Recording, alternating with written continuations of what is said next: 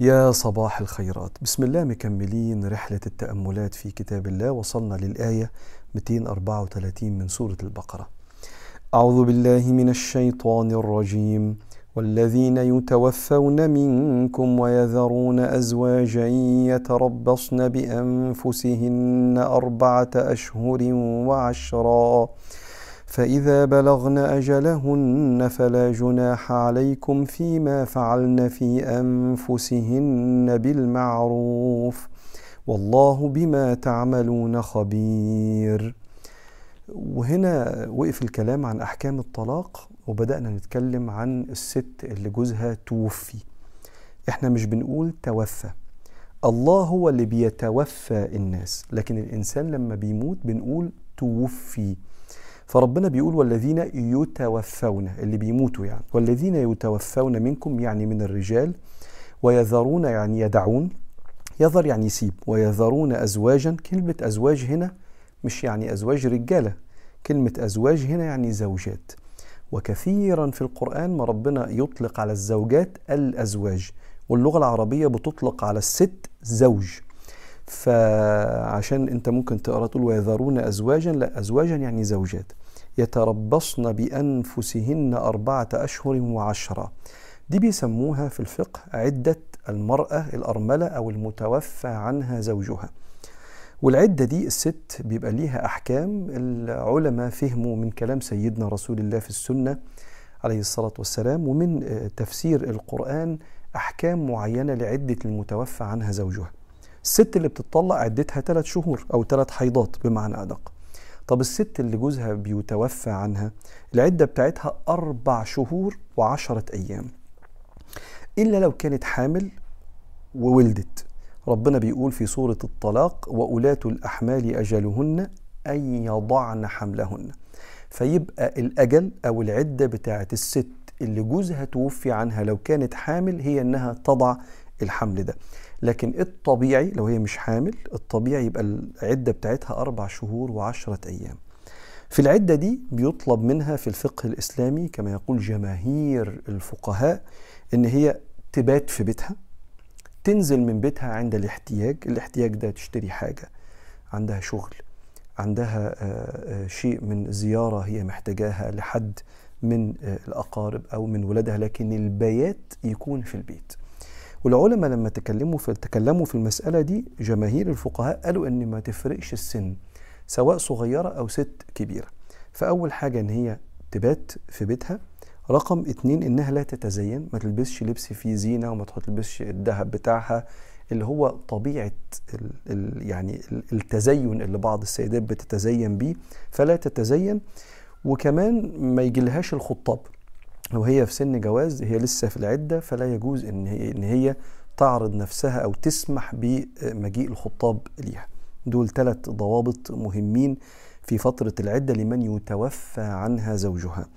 بعض الفقهاء قالوا إحنا حكمة ربنا في دي ما نعرفهاش ولكن بعضهم اجتهد وقال إن الحكمة من الأربع شهور والعشرة أيام هو استبراء الرحم.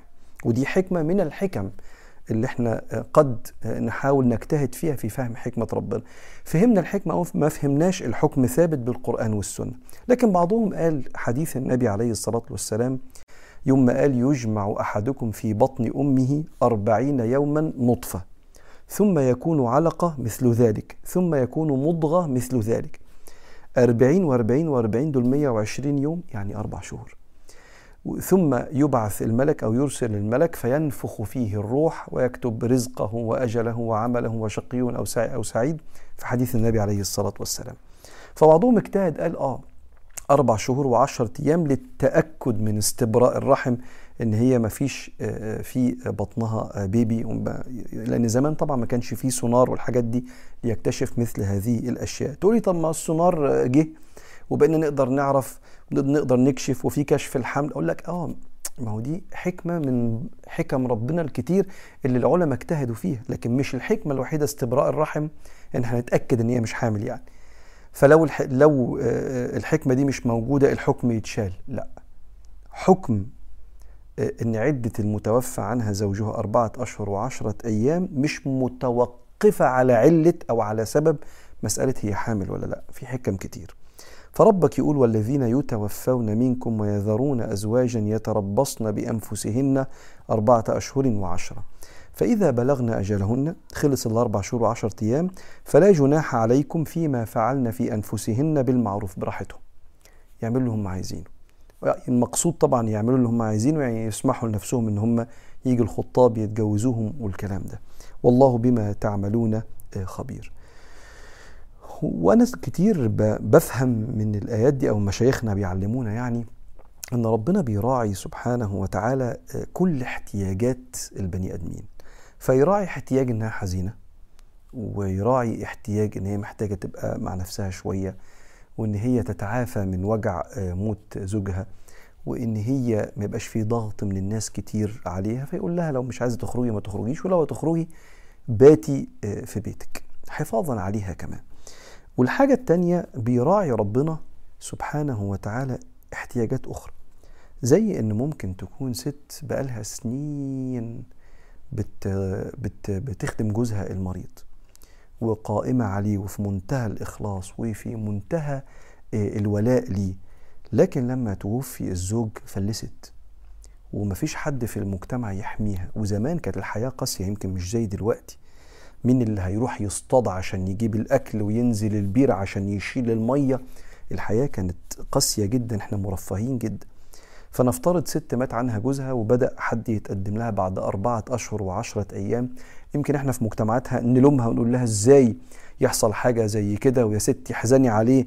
زي ما كان ساعات المشركين في الجاهلية كانت عدة الست اللي جوزها يموت عنها سنة. سنة كاملة. سنة كاملة تعيش لوحدها لا تغتسل بص أفكار الجاهلية لا تغتسل ما تسرحش شعرها ما تحطش عطر حاجة في منتهى القتل لنفسية الست دي. فجي الإسلام راعى كل الاحتياجات علشان في الآخر ظروف الناس بتختلف عن بعض وأحوال الناس بتختلف عن بعض واحتياجات وضروريات الناس بتختلف عن بعض فده شرع ربنا سبحانه وتعالى. فإذا بلغنا أجلهن أربع أشهر وعشرة أيام فلا جناح عليكم فيما فعلن في أنفسهن بالمعروف. والله بما تعملون خبير. ده كان تفسير الآية 234 من سورة البقرة ونكمل إن شاء الله على خير. صباح الفل والرضا والخيرات على الجميع.